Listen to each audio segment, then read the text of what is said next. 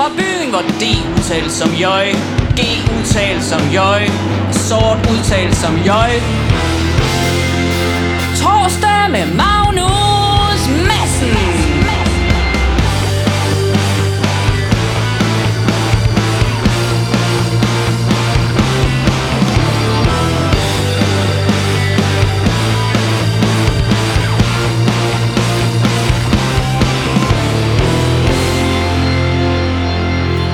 Goddag alle sammen, og øh, hjertelig velkommen til torsdag med Magnus Madsen. Jeg er Magnus Madsen, og jeg ser frem til at hygge om dig den næste time med god musik og strytanker. På teknikken har jeg som altid Dennis Jensen. Kan du sige hej, Dennis? Hej. Og i dag, der må du sige lidt mere. Ja. Men ikke lige nu.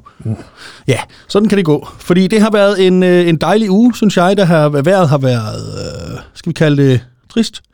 Men, øh, men humøret har været højt. Og så var det ugen, hvor, øh, hvor flere medier kunne skrive om en 51-årig kvinde fra Knebel på Djursland, der er blevet varetægtsfængslet i fire uger, sigtet for forsøg på grov vold, almindelig vold og for at fremsætte trusler. Stridens kerne var en nabo, der var ved at slå græs på en søndag, den bandit. Det orienterede den 51-årige ham om, at hun ikke mente, man måtte. Da han ikke stoppede med sin græslåning, kastede hun en tennisbold efter ham. Det reagerede han ikke på, men en tredje nabo, en 71-årig mand, kom ud og talte med den græsslående herre. Her dukkede den 51-årige kvinde op igen, og denne gang kastede hun en flaske. Ja, det var da egentlig pussy, hun lige havde sådan en i hånden. Øh, efter øh, den græslående øh, mand, og tilbød ham et par flade. Den 71-årige nabo, nabo gik hjem, men cirka 10 minutter senere stod den 51-årige kvinde foran hans hoveddør med en havegreb i hånden, som hun troede ham med. Det fik ham til at tage greben fra hende, hvilket resulterede i, at hun slog ham flere gange i ansigtet. Hele den her historie om en kvinde, der i den grad har misforstået udtrykket græsslåning, lyder måske i første omgang meget, meget mærkelig. Ja, nærmest bizarre, men der er faktisk en detalje i den, der forklarer det hele. Djursland. Det var også ugen, hvor øh, DR lavede et interview med den anerkendte klimaekspert professor Jens Hesselberg Christensen, der er en af hovedforfatterne bag øh, FN's klimarapport. En mand, der ved, hvad han taler om. Han brugte lejligheden til at be og afkræfte nogle af de myter, der er om klimaforandringerne, der jo mildest talt bekymrer mange af os. Heldigvis kunne han øh, afkræfte min største frygt, nemlig at jorden meget snart går under med ordene. Jorden går ikke under på grund af klimaforandringerne. Den går ikke under, før du får børnebørn. Py, Desværre tilføjede han, medmindre vi skulle blive ramt af meteor. Og øh, lige den tilføjelse vil jeg da gerne takke ham for. Nu sover jeg meget mere roligt om natten af, af hjertet. Tak. Og så tjekkede der i går en helt vanvittig nyhed ind på TV2 Østjyllands hjemmeside. I Hammel, øh, vi, vi kalder det Nordens Kassel, i øh, Favreskov Kommune, har de fået et nyt fodgængerfelt. Men det er ikke et hvilken som helst fodgængerfelt. Tværtimod. Ingeniør i veje og trafik i Favreskov Kommune, Per Øster, meddeler således, at det måske er Danmarks første buede fodgængerfelt. Uha! Baggrunden for dette buede fodgængerfelt, der befinder sig i et centralt kryds mellem Østergade og Voldbyvej, det de lokale kalder for Fotorama-krydset, opkaldt efter den biograf, der ligger på stedet, er, at både fodgængere og bilister havde svært ved at få overblik på stedet.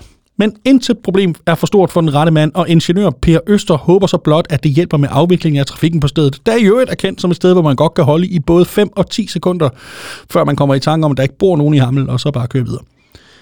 Fodgængerfeltet er godkendt af både Vejdirektoratet og politiet, og Per Øster forsikrer, at det overholder alle bestemmelserne om anmeldelse af vejanmærkning og striber med parallelle, øh, der er parallelle med vejens forløb. Det var Danmarks måske eneste buede fodgængerfelt i Hammel. Og så var det i denne uge, at øh, DR kunne bringe nyheden om, at, øh, dan- øh, at kvinder får færre orgasmer end mænd. Chokafsløring. Artiklen på DR's hjemmeside øh, frikender faktisk manden for skyld, men mener, at medierne, filmindustrien, pornoen og dårlig seksualundervisning har en stor del af skylden. Det skuffer lidt, at artiklen ser helt bort fra den mest åbenlyse årsag, nemlig at tekniker Dennis Jensen og jeg selv jo altså ikke kan være alle steder på én gang. Og så var det i dag, at øh, regeringen fremlagde sit nye, sin nye sikkerhedspakke, der i 16 punkter byder på meget mere overvågning af borgerne i Danmark. Forslag som flere overvågningskameraer, længere straffe og grænsekontrol mod Sverige møder ganske forudsigelige reaktioner fra øh, Folketingets øvrige partier. Generelt mener oppositionen, det er for løst, mens regeringens støttepartier mener, det er for hårdt. Enhedslistens øh, retsordfører Rosa Lund går endda så vidt som øh, til at sige, at det stinker langt væk af symbolpolitik. Og stinker, det gør det. Men nu var det for en gang skyld ikke statsminister Mette Frederiksens maveåne, vi talte om. Og sporten kort. Tirsdag aften kunne Ekstrabladet bringe nyheden om, at et kommende Brexit vil komme til at gøre fodboldstjernerne Messi og Ronaldo til ofre. Efter Brexit vil England nemlig gøre det svært for folk med kriminel baggrund at komme ind i landet. Og både Messi og Ronaldo er som bekendt dømt for skattesvindel og vil derfor ikke kunne spille fodbold i England. Dejligt, at en avis som Ekstrabladet har fokus på, hvem der er de egentlige ofre i det her samfund. De skattesvindel, skattesvindeldømte voksne mænd, Messi og Ronaldo, tjente henholdsvis kun 938 og 700 millioner kroner alene i 2018. Så kan man da godt forstå, at de må ty til skattesnyd for at få knopper under støvlerne. De offer for et ondt samfund. De stakler. Alle er efter dem. You could be mine!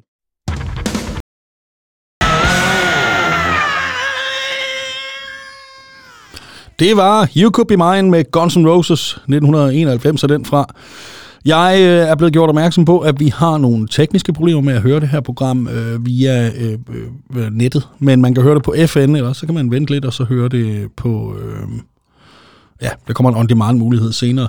Det, der er genialt, det er, at jeg fortæller dig det, fordi dig, der, altså, du kan jo ikke høre det så.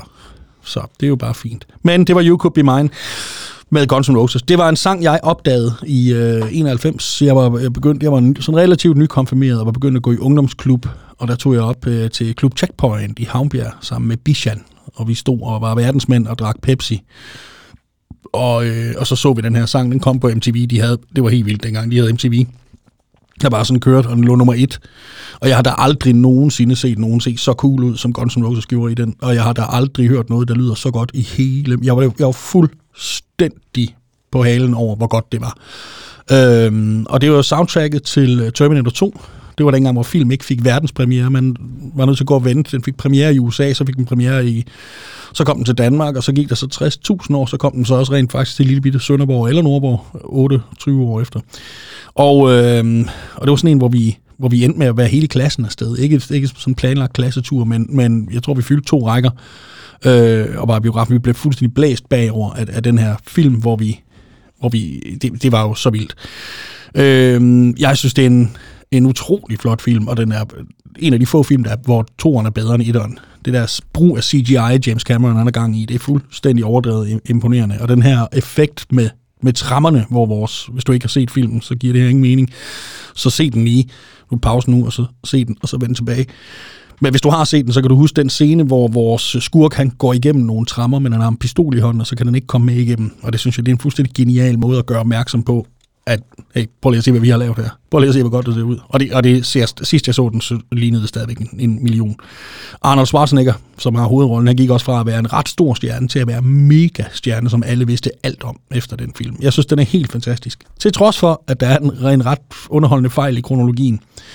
Fordi etteren, og det står altså i starten af filmen, hvornår den foregår. Den foregår i 1984, og der kommer der en mand tilbage og redder jorden fra den første Terminator. Og mens han gør det, så øh, befrugter han også, eller undfanger han også sit barn med Sarah Connor.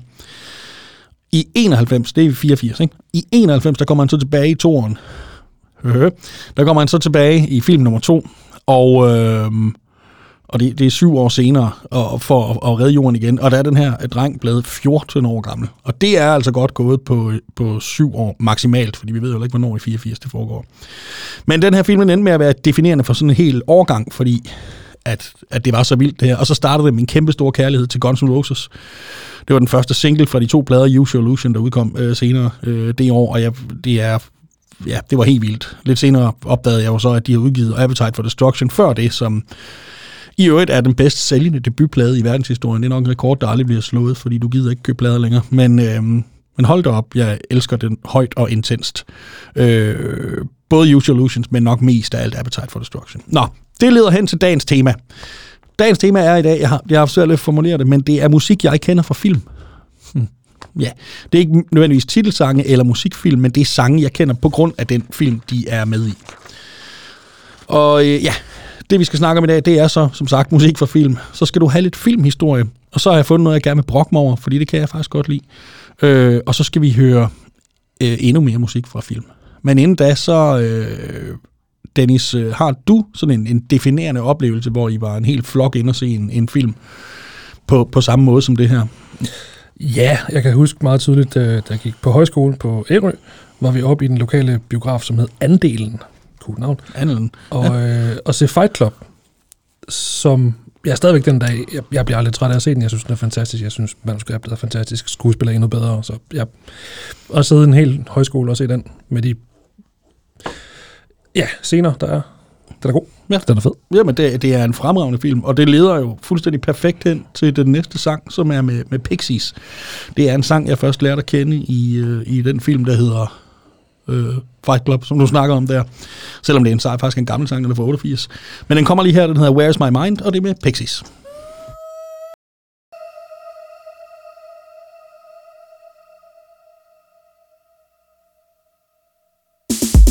Torsdag. Torsdag. Torsdag. Med Magnus Madsen.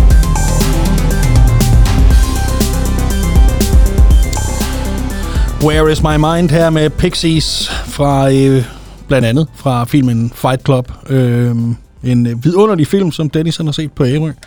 Øh, og Fight Club er jo faktisk mere aktuel end nogensinde. Det tror jeg desværre, vi altid kan sige om den. Den handler jo ligesom om at løsrive sig fra det daglige trummerum og de her sådan mere ligegyldige goder, øh, der godt kan blive lidt som et fængsel, og så gøre noget, noget for sig selv. Noget andet, noget vigtigt, noget, der ikke bare sådan er nyttigt, og noget, man skal, skal. Øh, og i, i slutscenen, der ser vi jo vores held stå her, skudt i hovedet i øvrigt, og med sin kæreste i hånden, og, og se de her store kreditkortfirmaers hovedkontor blive sprængt i luften af bomber, han selv har placeret. Øh, og mens han øh, siger den mildest talt underspillede replik, øh, You caught me at a very strange time in my life. Og der kommer den her smukke sang. Øh, jeg kendte den ikke før, men for satan var den perfekt i den scene. Og den er fra 1999, det er 20 år siden. Øh, den anden store succes fra det år, det var The Matrix. Og på imponerende vis, så handler den faktisk også om at være mere end bare en drone for andre, og så frigøre sig fra det fængsel, vi er i. Den er helt anderledes at se på, end øh, en Fight Club er sådan rent visuelt, men, men temaet er faktisk det samme. Der er også et fremragende brug af musik i slutscenen på den. Det er Freedom uh, Rage Against the Machine. Den kendte jeg dog godt i forvejen. Og så lad os bare lige glemme, at der kom to og en til The Matrix, fordi det er der vist ikke grund til at snakke om. Øhm, men det er lidt sjovt, at vi for 20 år siden var så optaget af det her emne, at, at de to største filmsucceser de, det år, de, øh, de handlede om det her med, at vi skulle prøve at frigøre os fra det hele. Fordi hvordan, hvordan gik det egentlig med det? Er vi alle sammen glade, eller er vi lige blevet sygemeldt med stress, men har til gengæld den nyeste iPhone og har lige været på ferie i udlandet to gange det sidste år? Ja, det ved jeg sgu ikke. Måske, måske skal vi lige prøve at se de film igen, og så måske prøve at lære noget af de der ting, vi, øh, der taler så klart til os. Øh, jeg får da helt lyst i hvert fald. En del af Fight Club, det er jo også de her slagsmål. Øh, det må man jo nok sige. Jeg har selv, øh, jeg skal være ærlig at sige, jeg, har- jeg engang selv for sjov leget Fight Club på gaden med en kammerat. Det er endda kun 10 år siden. Og det gik selvfølgelig over fuldstændig over gevind, og han slog et stykke af min øh, kæbe. og han kunne ikke sove på maven i flere dage. Men det var faktisk underligt dejligt, øh, det her for 10 år siden, med Benny. Øh, og det, det er sådan ikke noget, jeg skal opfordre til, at man gør. Men hvis alternativet er, at du bliver sindssyg af kedsomhed, så. Nå, det var Fight Club. Yes, siden sidste uge, der er der faktisk sket det meget løjerlige, at jeg har fået helt vildt meget, eller en del. Okay, Jeg har faktisk fået lidt ros for sidste uges udsendelse, og det er da, det er da noget mærkeligt noget. Øh, det var jo et tema, der handlede om, øh, vi, vi var ude at rejse sammen, vi var et, et sted sydpå, og, øh, og vi hørte en masse lokal musik, og hørte noget om de lokale, den lokale folk, folklore. Og det er jo noget, du faktisk nu som noget nyt kan høre på Spotify. Ja, og måske alle mulige andre steder. Øh, og det er lidt, øh, det er lidt noget bøvl. Øh, fordi øh, vi har nemlig øh, entreret med øh, sådan et, et nyt øh, podcast øh, distributionsmedie, som er så klogt, at vi ikke rigtig kan forstå det. Men vi ved, at vi øh, kommer på Spotify, men vi gør lige det, indtil vi sikrer, at vi fortsat lægger de sidste fem, øh, de sidste fem afsnit, vil altid ligge på SoundCloud. Der er lidt begrænsning på, hvor meget man må have der. Øh, og det er jo øh, det er jo bare æbeskyndt. Og så er der sket det også, det var en kommentar, jeg også fik i sidste uge, at øh, folk der siger, øh, hvorfor fire Danny fik noget mere, kan du ikke inddrage ham noget mere? Og det kan jeg sige, det er der ved Gud mange gode grunde til. Men, øh, men så skete der. Nu har, jeg fået, nu har jeg givet ham lov til at vælge en sang. Jeg, det er jo kun folk, der ikke ved, hvor utrolig træls han er, der kan finde på at bede ham om at, at, at mere inddragelse. Men, men okay så. Dennis, hvad er det for en, en sang, du har valgt her? Det er en fantastisk sang, som jeg har lært øh, at kende for nyligt, øh, da jeg så så en, en fremragende norsk serie, som hedder Beforeigners. en scene, hvor en håbløst forelsket norske stofmisbrugende kriminalbetjent kommer kørende i sin bil i Oslos regnvåde gader, og så spiller de det her nummer, som hedder Ain't No Love in the Heart of the City. Og de to ting, de matcher så dårligt, at det matchede perfekt. Se, det er jo fantastisk. Så kan man sådan lige huske det. Men skal vi ikke bare høre den øh, vidunderlige sang fra Before Us? Lad os gøre det. Cool. Fra byen, hvor D udtales som jøj G udtales som jøj Sort udtales som jøj Torsdag med Magnus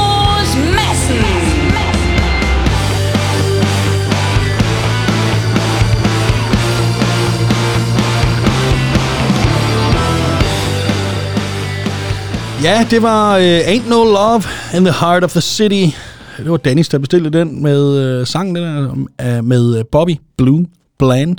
Og Dennis han kender den fra, uh, fra den norske tv-serie Beforeigners. Uh, jeg kendte den heller ikke før. Og, og Dennis havde heller aldrig hørt, ligesom jeg selv ikke havde, om uh, Bobby Blue Bland før. Og Dennis, det kan jeg faktisk godt forstå, at uh, ingen af os havde.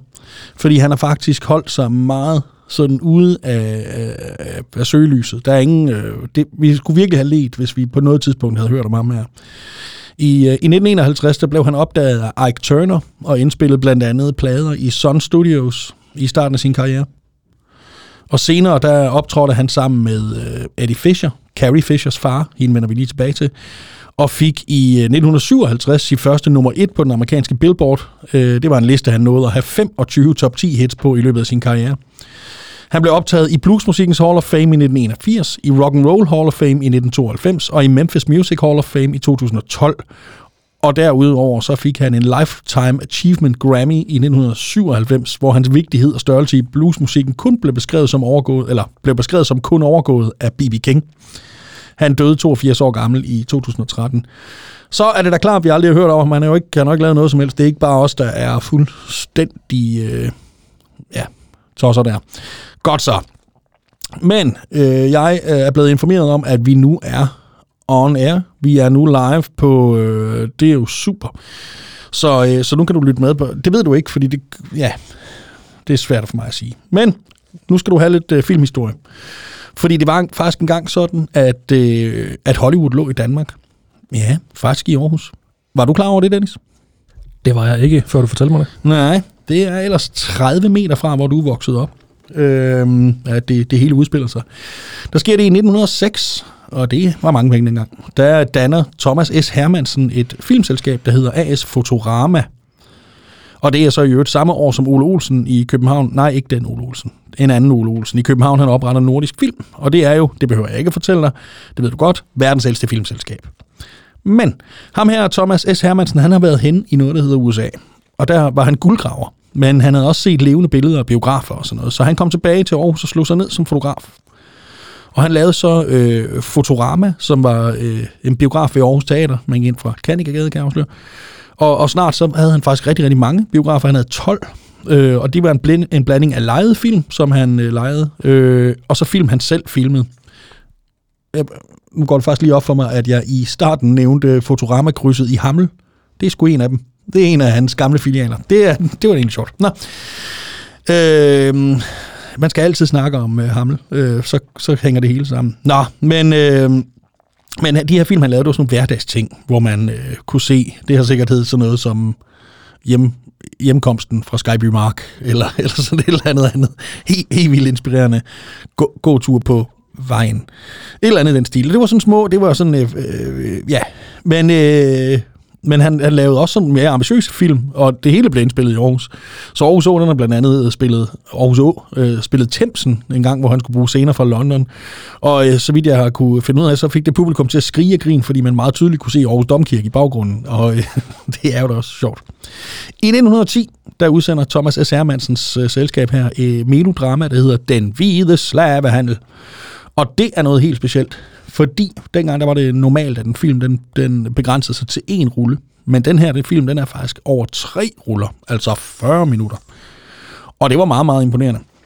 Øh, og det fik Nordisk Film hen i København til øh, lynhurtigt at, at kopiere den her, øh, som også blev en stor succes. De havde øh, flere øh, penge at gøre med, og ja, og så gik de faktisk derover, øh, til, derfra over til Nordisk Film og være øh, de første i verden til udelukkende at fokusere på lange, øh, længere spillefilm. Øh, så dansk film, det var i høj kurs, og Danmark, de stod stærkt på de internationale markeder. Øh, det var jo kun, hvad, 10 år efter Lumière-brødrene, de i, øh, i Paris havde vist den første film, det mener, det var i 1896, så man må nok ikke helt klar, hvad man skulle med det medie. Men Senere i øh, 10, 1910, der bliver Thomas S. Hermansen uenig med bestyrelsen i Fotorama, og det, det kører vist egentlig okay, men han bliver uenig med dem af en eller anden årsag, og bliver sparket ud af bestyrelsen. Og øh, det er egentlig helt i uheld, fordi han kan så gå i gang med øh, et nyt firma. Det der er hans store drøm, og han øh, opfører i øh, baggården ved hjørnet af Guldsmedgade og Nørrelig en fireetagers ejendom, øh, som så skal have hans øh, år, øh, skal den hedder Dansk Filmfabrik. Og der vil han lave film, fordi så han kan lave alle processer, han kan øh, skrive, han kan optage, han kan fremkalde, han kan alt. Der er simpelthen det hele under et tag. Og det er jo meget, meget, meget øh, fint for ham. Han gider ikke drive biograf. Han vil lave film. Han er helt bit af det her. Og den her øh, ejendom og det her fabrik står klar i sommer i starten af 1913. Og i løbet af den sommer, og øh, hold nu fast, der får han produceret intet mindre end 17 længere film og tre stumfilm på sin fabrik der har været et kvalitetsniveau der, som øh, er helt, det kan man slet ikke forstå. Øh, men desværre så er konkurrencen den blevet meget, meget hård, øh, og økonomien den er simpelthen ikke til en decideret fabrik. Så allerede i oktober det år, der er det slut for Dansk Filmfabrik, og det går konkurs, altså efter under et år. Og på det tidspunkt der er der faktisk også hele 15 filmproducenter i lille bitte Danmark, så det er jo helt skørt. Hans kone overtog bygningen, inventar og lager af film for 25.000. Det er også en slags penge i 2013. Nej, ja det er det også, men i 1913. Og så sker der det, at tre år senere, der rejser Thomas S. Hermansen så igen til USA. Men den her gang, der er det med hans ven, urgrosserer Jens Peter Larsen. Og de havde sammen opfundet noget sprængstof, som de ville sælge til amerikanerne. Og det, det gjorde de så. Og så blev de rige, og så tog de tilbage og investerede dem blandt andet i fast ejendom i, i Aarhus. Det, det er en ond fløjt med, der er en ejendommelig historie en guldgraver, der leger fotograf, og så laver øh, filmfabrikker og alt, alt muligt foran, øh, og så sælger han krudt i Amerika, og det, det, det, det, det er fedt. Men altså helt kort, der havde vi simpelthen i Danmark og i Aarhus en vaskeægte pioner inden for, øh, for filmens verden, og han skulle efter sine have lavet masse ting, der var sådan rimelig øh, fremsynet. Det eneste, jeg har set, der er lavet derfra, det er faktisk fra 1906, der er lavet af ham, hvor han har stillet et kamera op øh, i den forreste vogn af en sporvogn, der kører igennem Aarhus. Og det skal lige tænke på, ja ja, det er meget oplagt, men der var jo ikke nogen, der havde gjort det før dengang. Og den, det er en af de få ting, der er bevaret. Den kan man se. Man kan se den på noget, der hedder YouTube, blandt andet. Øhm, og, og andre steder, hvor man kan se øh, kedelige ting. Nej, men øh, det, det, er, det synes jeg, det er, det er sgu meget godt tænkt. Men altså, det hele blev knust af den hårde konkurrence.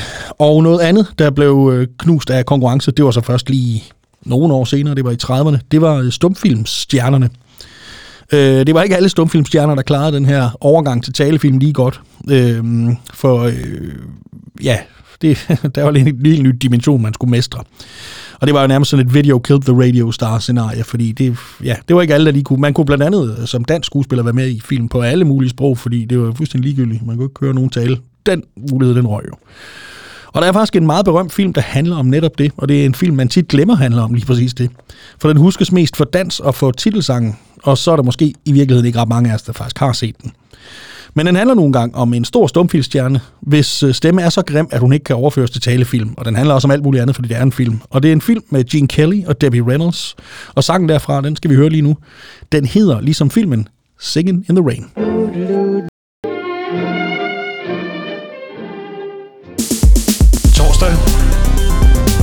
Torsdag. Torsdag. Med Magnus Madsen. Singing in the Rain her med Gene Kelly fra filmen af samme navn. Og sangen kender du, men øh, filmen har du, hold nu op, den har du sgu da aldrig set.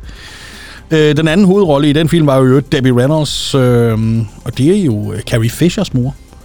Prinsesse Leas mor. Simpelthen intet mindre. Faren, det var øh, sangeren Eddie Fisher, som jeg også nævnte lige før som jo øh, blandt andet optrådte med øh, ham her Bobby Blue Bland i 50'erne.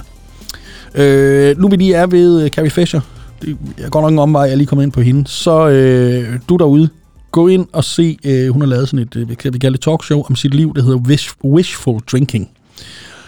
Og øh, ja, det hun starter med at sige er, at det ville være så trist, hvis det ikke var så sjovt. Og øh, prøv lige at se den det, det handler om hendes fuldstændig vanvittige liv i, i Hollywoods absolut højeste lag, med alt det vanvid og utroskab, man kan forestille sig. Og så, ja, heldigvis så findes der både kokain og alkohol, så hun, øh, det løser det. det. Det løser det hele, og det, det hjælper dig på det. Men, øh, men den er simpelthen fremfuld. Øh, fremfuld? Hmm. Fremragende. Wishful Drinking hedder den. Prøv at se den. Og den her sang, øh, Singing in the Rain, den har jo så faktisk også en anden øh, film, hvor den er ret øh, betydningsfuld i, og det er jo i øh, A Clockwork Orange, hvor vores helt, Alexander Delarge, han øh, synger den for en dame, mens han... Øh, ja, det er sgu ikke pænt. Men, øh, men der er den også med, og det ved du godt. Nå, nu skifter jeg lige emnet et øjeblik, fordi øh, jeg er faktisk gået hen og blevet ret irriteret over noget, og det, øh, det skal gå ud over dig. Fordi der er et udtryk, jeg er blevet træt af på rekordtid. Og, øh, og det er du måske også. det er udtrykket tillid.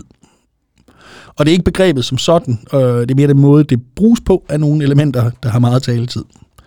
Det er den tillid, vores regering snakker om, og som alle andre partier synes at være enige med, øh, med dem i, at, at, at, at den er væk. Og ja, det, det er den. Altså politikerleden, den er meget, meget stor. Og jeg tror, at de fleste efterhånden ser det som nærmest naturligt, hvis man er chef eller på anden måde rig, så, så kan man slippe afsted med hvad som helst, uden at det for alvor går ud over en selv. Desværre, så griber de det an på den her meget moderne måde. Man kunne kalde det spændmåden. I stedet for rent faktisk at gøre noget, der kan ende i mere tillid øh, til dem, så fortæller de også, at de gør noget. Og det er jo altså ikke det samme. Tillid er en følelse, og det er en følelse, der ligesom alle andre følelser kan vækkes i os, som man kunne kalde det som et biprodukt af noget andet. Og det andet, det er handling. Man er nødt til at gøre noget, ikke bare fortælle os, at nu skal vi føle noget andet. Hvis jeg gør noget, der gør dig sur, så kan jeg jo ikke bare fortælle dig, at nu skal du ikke være sur længere.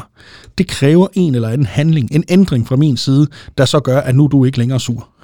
Ellers så har det den stik modsatte øh, effekt, skal jeg da lige lov for. Og det tror jeg, at alle, alle kan regne ud. Bortset fra vores folkevalgte. Et eksempel på det, det er, i løbet af den her uge, der så jeg vores justitsminister Nick Hækkerup tale om, at han vil genoprette tilliden til Telestyrelsen. Det er efter den her alvorlige sag om, øh, om fejl og mangler, der har, der har været i det her med, med teleoplysninger. Og det er da pænt af ham. Men det er da ved Gud ikke det, han skal. Han skal da ændre nogle ting, og så skal han straffe de involverede hårdt, og så skal han handle usvigeligt, sikkert og retfærdigt, så vi kan se, at den slags sløseri, den bliver taget alvorligt. Og de, der har forsøgt at dække over det, de skal da aldrig nogensinde have noget ansvar igen. Det, det er da det, han skal gøre. For helvede mand, det kan være en af grundene til, at morderen til den 17-årige Emilie Meng ikke er fundet. Der, der skal han da ikke bruge sin tid på at genoprette tillid her. Der skal der handles. Straffe, fyringer og en tur i kashotten til de ansvarlige, hvis de har gjort noget ulovligt. Så som at vildlede befolkningen og justitsministeren, som alt tyder på, de har. Ah, han skal ikke fortælle mig, at nu skal, nu skal, nu skal han genoprette min tillid. Han skal, da, han skal da gøre noget virkeligt. Ikke, ikke påvirke mig, eller på nogen måde bestemme, hvad jeg føler. Det styrer jeg kraftet mig selv. Og så bare ligesom en lille sidenote. Genoprette. Ah, hvad? Det ligger implicit i det begreb, at jeg engang gik rundt og havde tillid til Rigspolitiets håndtering af telesager. Og det, jo, ja, det, det skal du ikke antage. Når man genopretter noget, så betyder det jo, at det har været der før. Og det kan da godt være, at jeg har stolet på dem før, men det, men det skal du ikke. Du skal ikke tage ned til mig, og så bare antage det. Det, er, det skal du fandme heller ikke bestemme. Det, det skal jeg sgu nok selv ligge over med. Øh, jeg har altså også gået i skole og læst avis. Det finder jeg mig ikke i. Men lad os lige holde fast i det centrale nu. Det, sorry. Det handler om, om tillid. Øh, det er ikke sådan et, et, et, et konkret instrument, man kan skrue på. Det, det er et resultat af noget andet. Ikke? Øh, og der er en grund til, at... Ja, men det, Oh. Det minder mig om, sådan lidt om den tidligere amerikanske præsident George W. Bush. Når der skete sådan en, en større katastrofe i USA, I kan nok godt huske ham alle sammen, det var den sidste, vi kunne lide. Men når der skete en eller anden katastrofe i USA, så, som det kunne være orkanen Katrina eller endnu et skoleskyderi, så skulle han jo ud og handle. Nej, det, han skulle ikke ud og handle, han skulle øh, handle, fordi han var jo chefen. Selvfølgelig, det er hans job, og det er, han skal selvfølgelig iværksætte nogle ting, der kan hjælpe offerne, og så selvfølgelig forhindre, at det her det går så galt en anden gang. Og det er noget med penge og underskrifter fra kontoret, som så ligesom er nogle, nogle konkrete tiltag, som så ændrer på det hele, så det, så det aldrig går så galt igen. Og så skal han selvfølgelig flyves ind og besigtige skaderne. Det er klart, for han skal vise sin støtte. Han skal hjælpe dem med at uddele soveposer eller lytte til offrene, et eller andet. Hjælp til ved et suppekøkken, sådan noget. Et eller andet, der viser, at han støtter offrene. Det gjorde han ikke. I stedet for, så tog han ud til de her ramte steder, og så stillede han sig op, og så holdt han en tale om, at han var kommet for at vise sin støtte. Men det, det skal han jo ikke. Han skal ikke, han skal ikke fortælle, at han er kommet for at vise sin støtte. Han skal vise sin støtte. Han skal ikke fortælle os, at han gør det. Han skal... Åh. Så kan det være, at befolkningen de sådan ligesom føler, at, at de har hans støtte. Ikke? Det, og det er præcis, synes jeg, som vores folketing. De er sådan helt forblændet af det her med det Frederiksen begreb om tillid. Øhm, og det er selvfølgelig bare blevet et ord, de slynger om sig med på rekordtid. Og lad være med at fortælle os, at, at du vil gøre noget, og, og ja, du, du gør noget. Så kan det være, der vokser noget tillid ud af mig. Der er godt 10.000 straffesager fra, 10, fra 2012 til 2019, der skal grænskes af politiet og anklagemyndigheden oven på den her skandale med de her teledata. Og det er fandme træls for dem, fordi de har efter sine, som Berlingske skrev tidligere på ugen, 47.000 gamle sager liggende i forvejen. Det er da en enorm byrde. Det er der, der ingen, der kan klare uden videre. Sæt nogle penge af til, at de kan hjælpes af med den pukkel. Ansæt folk. Find de penge. Gør noget. Tag dem fra noget andet, så jeg kan se, at du mener det, du siger. At det her er for galt. At der aldrig igen skal løslades bandemedlemmer, fordi beviserne nu måske ikke lige var der alligevel. Og at de, der har dækket over de her oplysninger, de er nødt til at gå fra hus og hjem, ligesom vi andre må, når vi er blevet fyret. Ikke bare placeres i en ny stilling, men fyring, straffesag, velkommen på forsiden, hele møllen. Det er jo simpelthen ikke nok bare at fortælle mig, at nu kan jeg stole på det hele. For det kan jeg jo altså ikke, medmindre jeg ser noget handling. Når det er sagt, så hvis jeg skulle pege på noget, der rent faktisk giver mig en følelse af mere tiltro til dem, der bestemmer i det her land, så er det faktisk det klip, der florerer fra Folketingets åbningsdebat. Og du har måske set det derude. Men øh, helt kort så handler det om, at vores Folketing de har været i gang med åbningsdebatten i 13 timer, da Mette Frederiksen tager talestolen for at fortælle om at nogle af de ting, de har fået gennemført. Og, og en af dem er, øh, at det enige Folketing er blevet enige om at købe fire øh, cirkuselefanter, så de kan få et, en hederlig pension. Øh, det er blevet forbudt at have, øh, cirkus i, øh, have elefanter i cirkus i Danmark. Og en af de elefanter, der kunne hjælpe mig, lyder navnet Ramboline, har vist sig at have en bedste ven. Og den bedste ven er en kamel, der hedder Ali. Og de må helst ikke skille sig. Her bryder den ellers så tilknappede statsminister fuldstændig sammen af grin, for det er jo helt absurd. Og hele Folketinget, de følger trop. Man kan se formand for Venstre, Jakob Ellemann Jensen, man kan se Pia Olsen Dyr fra SF, man kan se Pernille Skipper fra Enhedslisten, for en gang skyld slippe paraderne og være færdig at grine over det her. Og det er faktisk svært ikke at grine med selv. Det er første gang i meget, meget lang tid, jeg ser nogen af vores politikere smide masken. Jeg har aldrig set nogen af de mennesker grine før. Aldrig. Tværtimod. De er så stilede og alvorlige og så meget uden kant, at de er så dygtigt pakket ind af de her spindoktorer, at de aldrig virker menneskelige eller tilnærmelige. De virker tværtimod utroværdige og som en helt egen art, der på ingen måde vi kunne forstå, hvordan andre menneskers liv er, fordi de selv er en slags maskiner eller, eller på anden vis en sådan en helt anden del af samfundet. Sådan virker de.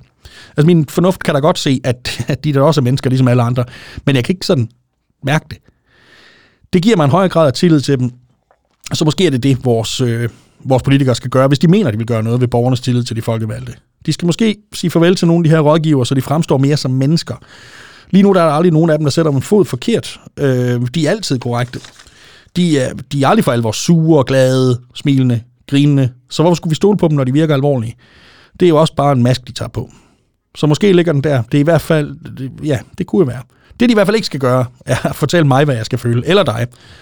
At du skal have tillid til dem. Det skal vi, det skal vi sgu ikke finde os i. Vores følelser er fandme vores egen. Det, det, det er sgu for dumt. Men nu skal vi have en sang med David D., Dozy, Beaky, Mick and Titch.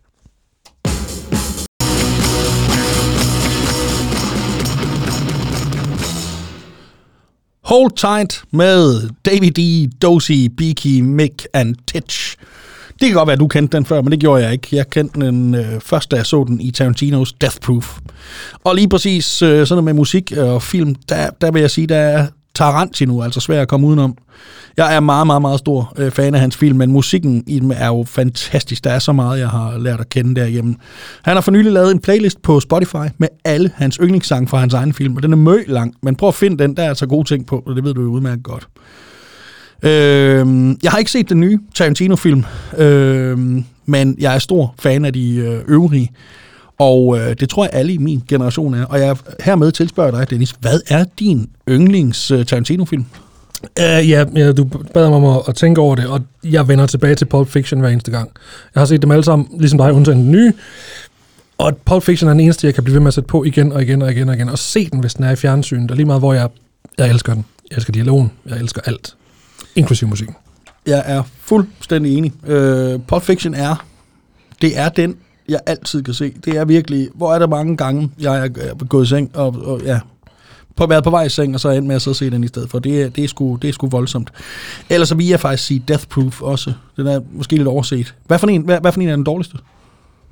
De er alle sammen gode. Det, ja. det, det, det har jeg slet ikke tænkt over, hvad for en er den dårligste. Men ja, som vi lige så snakket om, mens musikken spillede, jeg vil ønske, at øh, uh, Inglourious Bastards kun handlede om The Jew Hunter, fordi jeg elsker Christoph Waltz virkelig hårdt. Lige præcis. Den, jeg vil også sige, den er den, der tiltaler mig mindst af dem alle sammen. Øh, det, det er ikke nogen dårlig film på nogen måde, men, og så har den Til Schweiger, Daniel Bryl, det er ham fra Goodbye Lenin, og så Christopher Waltz, og så har den faktisk også cameo fra Bela B fra De Ærdste. Mm-hmm. Den, er, øh, den har en masse ting, der fungerer, men den fangede mig ikke på samme måde som de andre film. Jeg er helt tosset med dem. Men øh, en helt anden film med ham, nemlig Pulp Fiction. Der øh, er der en meget berømt scene, hvor øh, Mia Wallace og Vincent Vega, de sidder i en diner og øh, spiser en burger sammen, og drikker en meget, meget dyr milkshake, og den sidder jo, den her scene af tension. Og mens de sidder der, der spiller der en sang, og den sang er faktisk øh, den eneste instrumentale sang, der nogensinde er blevet lavet, som er blevet banned. Den er blevet, øh, hvad hedder sådan noget, øh, forbudt at spille på amerikansk radio, fordi man var så bange for, at de unge mennesker de skulle øh, gå helt af gurken, når de hørte det her alarm. Den er en pioner inden for brugen af power-akkorder, og så faktisk også inden for brugen af overdrive, det man kunne kalde lyden af rock. Og øh, den er skrevet af Link Ray, og spillet af Link Ray, som øh, i øvrigt er begravet henne i Kongens København. Og øh, den kommer her, den hedder Rumble.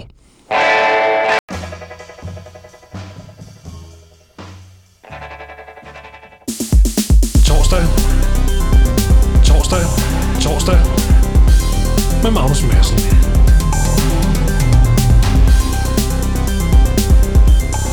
Det var Link Ray med, øh, med Rumble fra Pulp Fiction. Øh, den eneste sang i verdenshistorien, der er blevet forbudt på amerikansk radio, øh, som er sådan eneste instrumentale sang, der er blevet forbudt på amerikansk radio. Det synes jeg er imponerende i sig selv.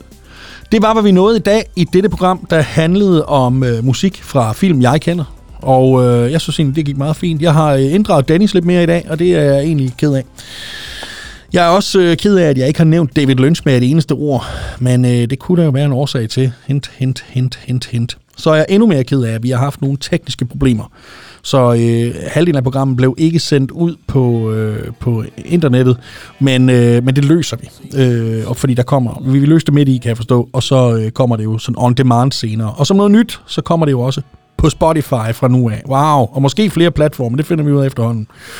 Du kan følge os på Instagram, du kan følge os på Facebook, på øh, SoundCloud, og hvis du har sådan noget, du synes, der lige skulle være med i det her program, så er du velkommen til at skrive på en øh, mailadresse, der hedder torsdag med Magnus, øh, snabelag, øh, gmail.com. Det kunne være, du havde et orkester, du synes, jeg skulle gøre opmærksom på et eller andet. Det var øh, dybest set ordene. Er der andre ting, jeg skal huske? Det er der faktisk. Men det har jeg glemt. Så jeg vil bare sige øh, tusind tak for i dag. Vi øh, høres ved i næste uge. Og øh, hvis du sidder på arbejde, så synes jeg da egentlig, du skulle overveje efterhånden at gøre, som øh, farlige typer øh, siger her. Og, øh, og gå hjem. Slår selv tiden Du har lyttet til Torsdag med Magnus Madsen. Vi er tilbage næste uge, samme tid, samme sted. Næsten noin.